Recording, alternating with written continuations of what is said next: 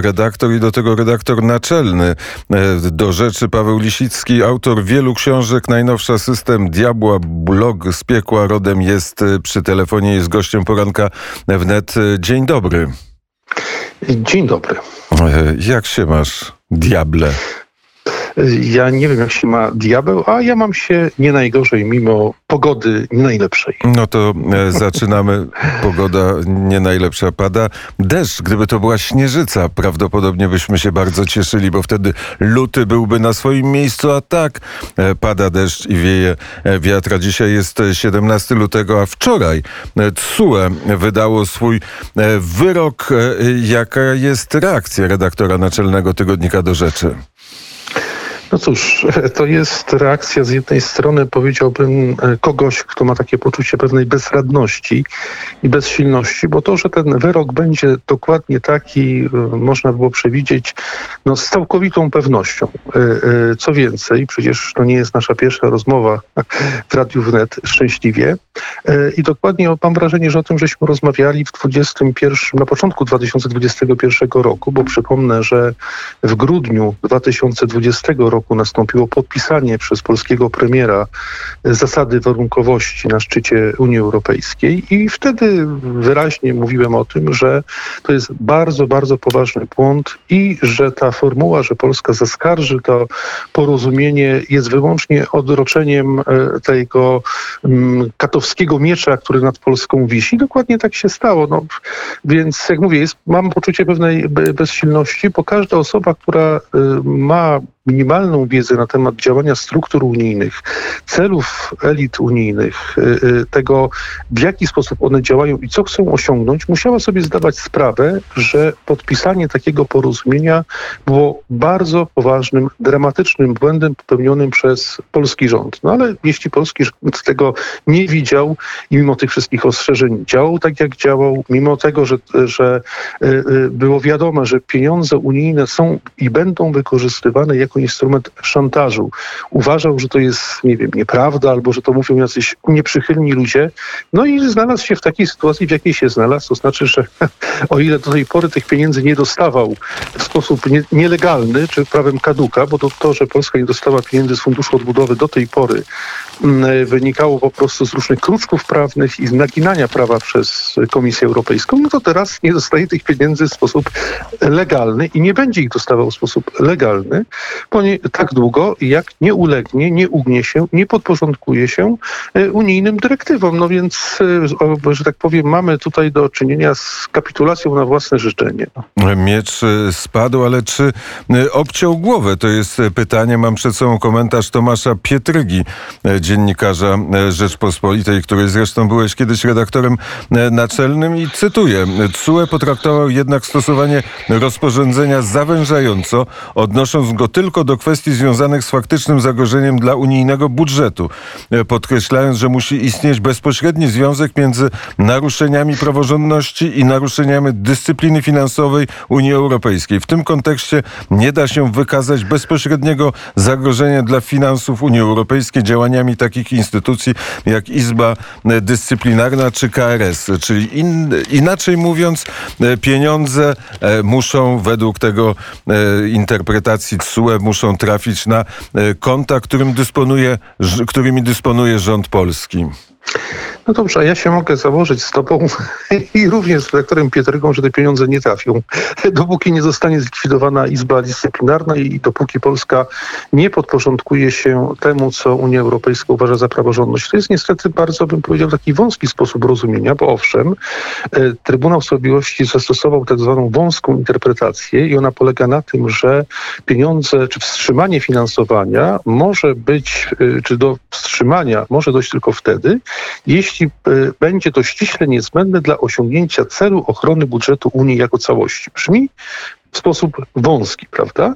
Ale, ale nasze doświadczenie, które mamy i o tym mówiłem w relacjach z Unią Europejską, pokazuje, że tak zwane wąskie rozumienie nigdy wcześniej nie było stosowane, bo gdyby tak było, to dlaczego polskie samorządy e, w zeszłym roku powszechnie zrezygnowały z obrony e, przed LGBT w swoich samorządowych kartach praw rodziny. No właśnie dlatego, ponieważ Unia stosuje, mm, że tak powiem, wąskich przepisów w sposób, e, e, używa ich w sposób rozszerzający, a nie w sposób zawężający. Ja od razu mogę powiedzieć, co się stanie w najbliższych tygodniach.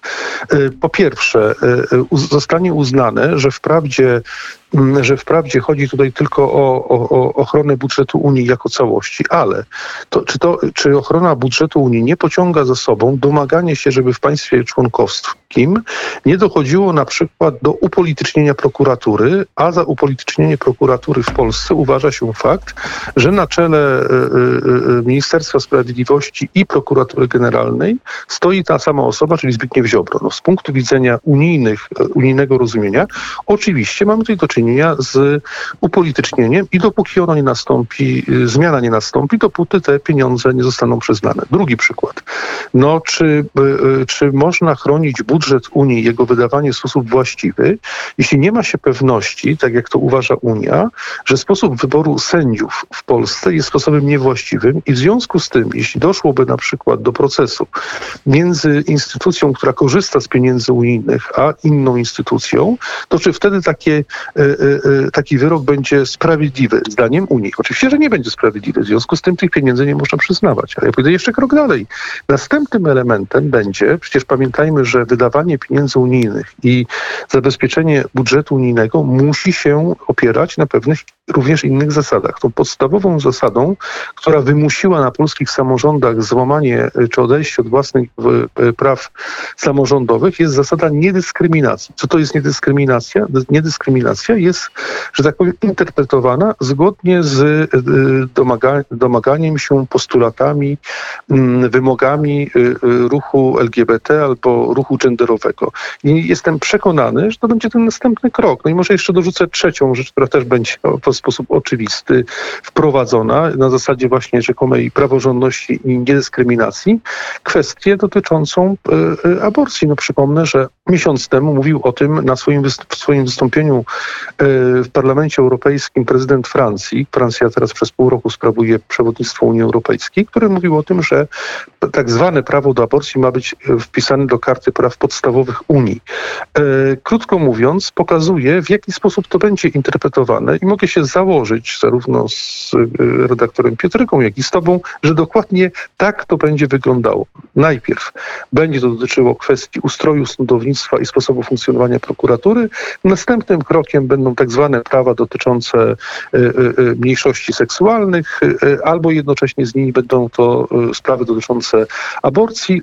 Tak samo straszakiem czy formą szantażu będą pieniądze unijne, a mechanizm praworządności czy warunkowości, który jest wąsko opisany, zostanie zastosowany szeroko.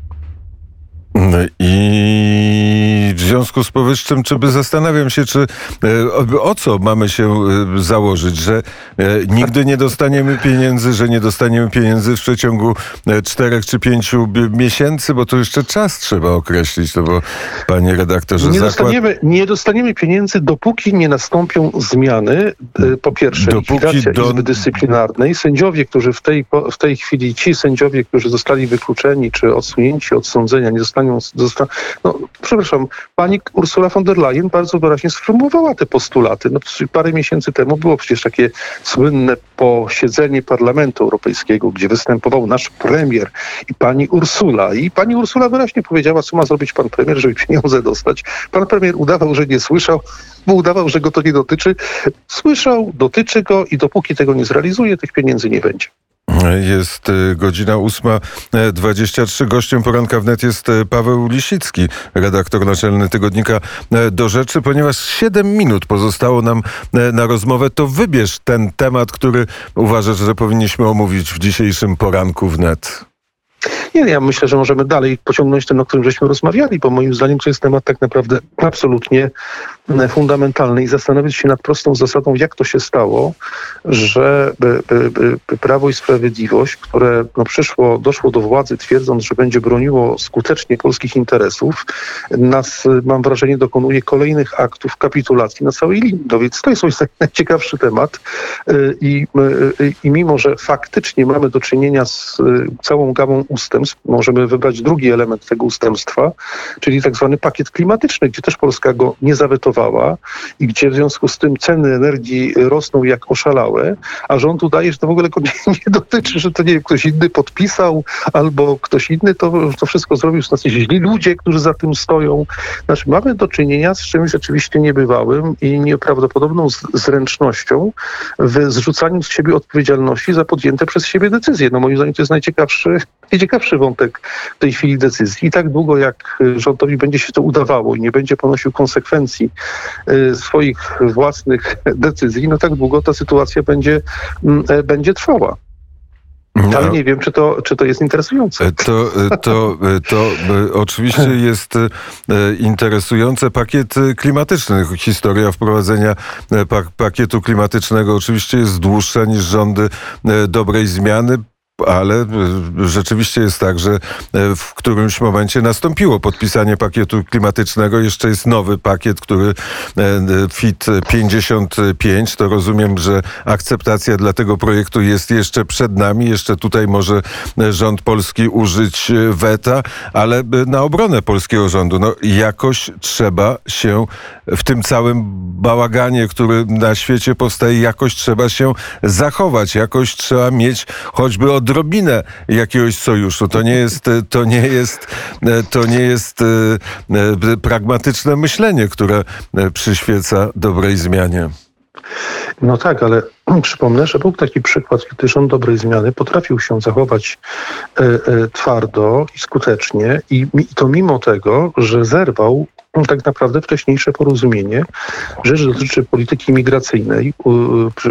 W 2014 roku podpisała się pod porozumieniem nakazującym Polsce rozlokowanie imigrantów Ewa Kopacz i, i po dojściu do władzy wówczas późniejsza premier Beata Szydło Y, i późniejszy rząd to porozumienie odrzuciły. Polska przez długi czas była y, piętnowana przez wszystkich przedstawicieli Unii Europejskiej, domagających się właśnie y, wywiązania się z realizacji tego wcześniejszego porozumienia i tutaj Polska nie uległa.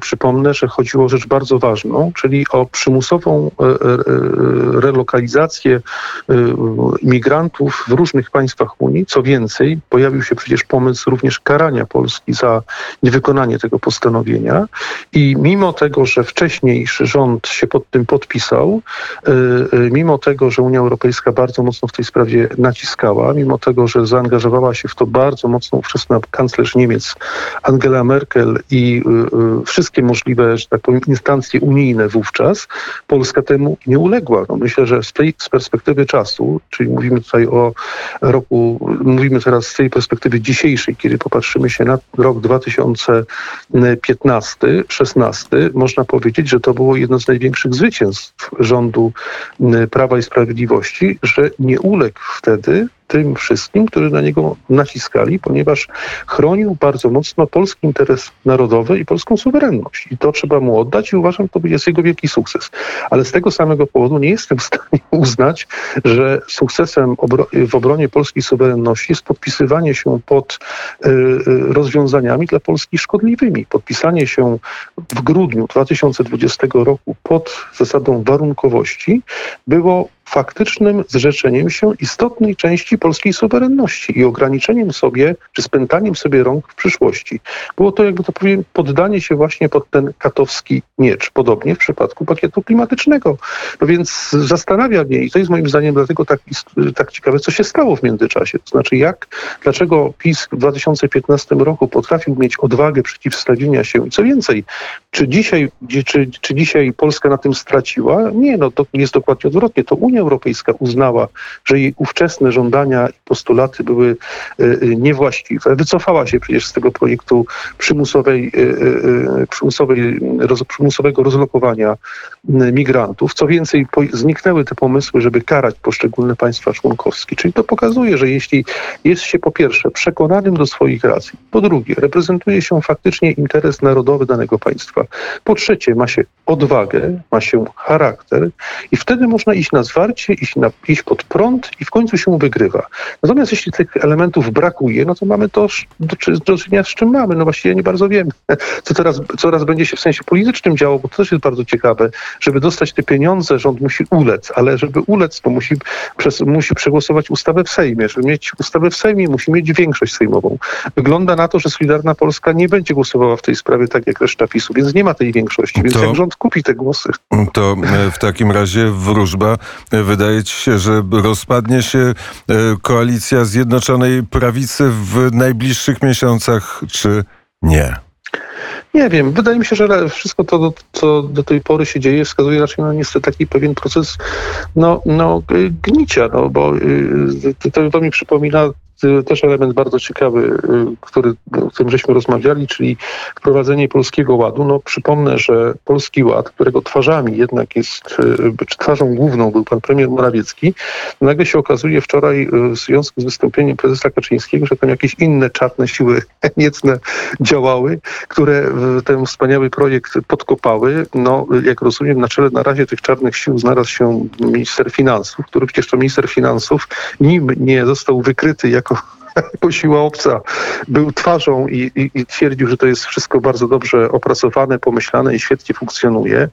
No więc, y, jak mówię, no raczej przypomina to, tak, tak, tak jak mówię, taki proces, kiedy mimo błędów, które się popełnia na skalę coraz większą, nie wyciąga się, y, y, nie wyciąga się konsekwencji w stosunku do osób rzeczywiście odpowiedzialnych, a przecież rzeczywiście odpowiedzialnym za Polski Ład nie był pan Kościński, tylko pan premier Morawiecki. W związku z tym będziemy się tak w te, PiS będzie się z tym tak no, y, bawił, ponieważ też nie bardzo y, y, drugą stroną medalu jest oczywiście to, że nie bardzo wiem, kto miałby tę płacę przejąć, ponieważ po drugiej stronie, o ile PiS y, y, dokonuje aktu kapitul- kapitulacji, to po drugiej stronie mamy partię, mówię tutaj o opozycji, głównej części opozycji, które jakby to powiedzieć mają na sztandarach wypisaną kapitulację w stosunku do Unii Europejskiej, więc rzeczywiście e, sytuacja e, nie jest wesoła. Ale będą przyspieszone wybory parlamentarne, czy nie będzie? Nie będą.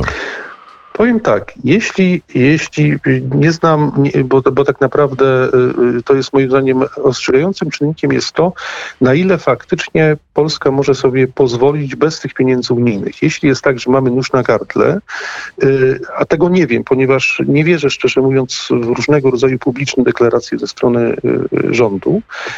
Jeśli jest tak, że mamy nóż na gardle i pieniądze nam są dramatycznie potrzebne, to PiS będzie musiał dokonać, że tak powiem, wycofania się ze wszystkich swoich wcześniejszych y, y, y, ustaw dotyczących sądownictwa. Nie sądzę, mówię to czysto hipotetycznie, żeby przekonał do tego Solidarną Polskę i wtedy, że tak powiem, prawdopodobieństwo przyspieszonych wyborów jest bardzo realne. Powiedział Paweł Lisicki, redaktor naczelny tygodnika Do Rzeczy, o książce, którą napisałeś, porozmawiamy innym razem. Mam nadzieję. Dziękuję bardzo e, za rozmowę. Siódma, nie, ósma, trzydzieści dwie e, czasu e, warszawskiego. Czas na studio olimpijskie.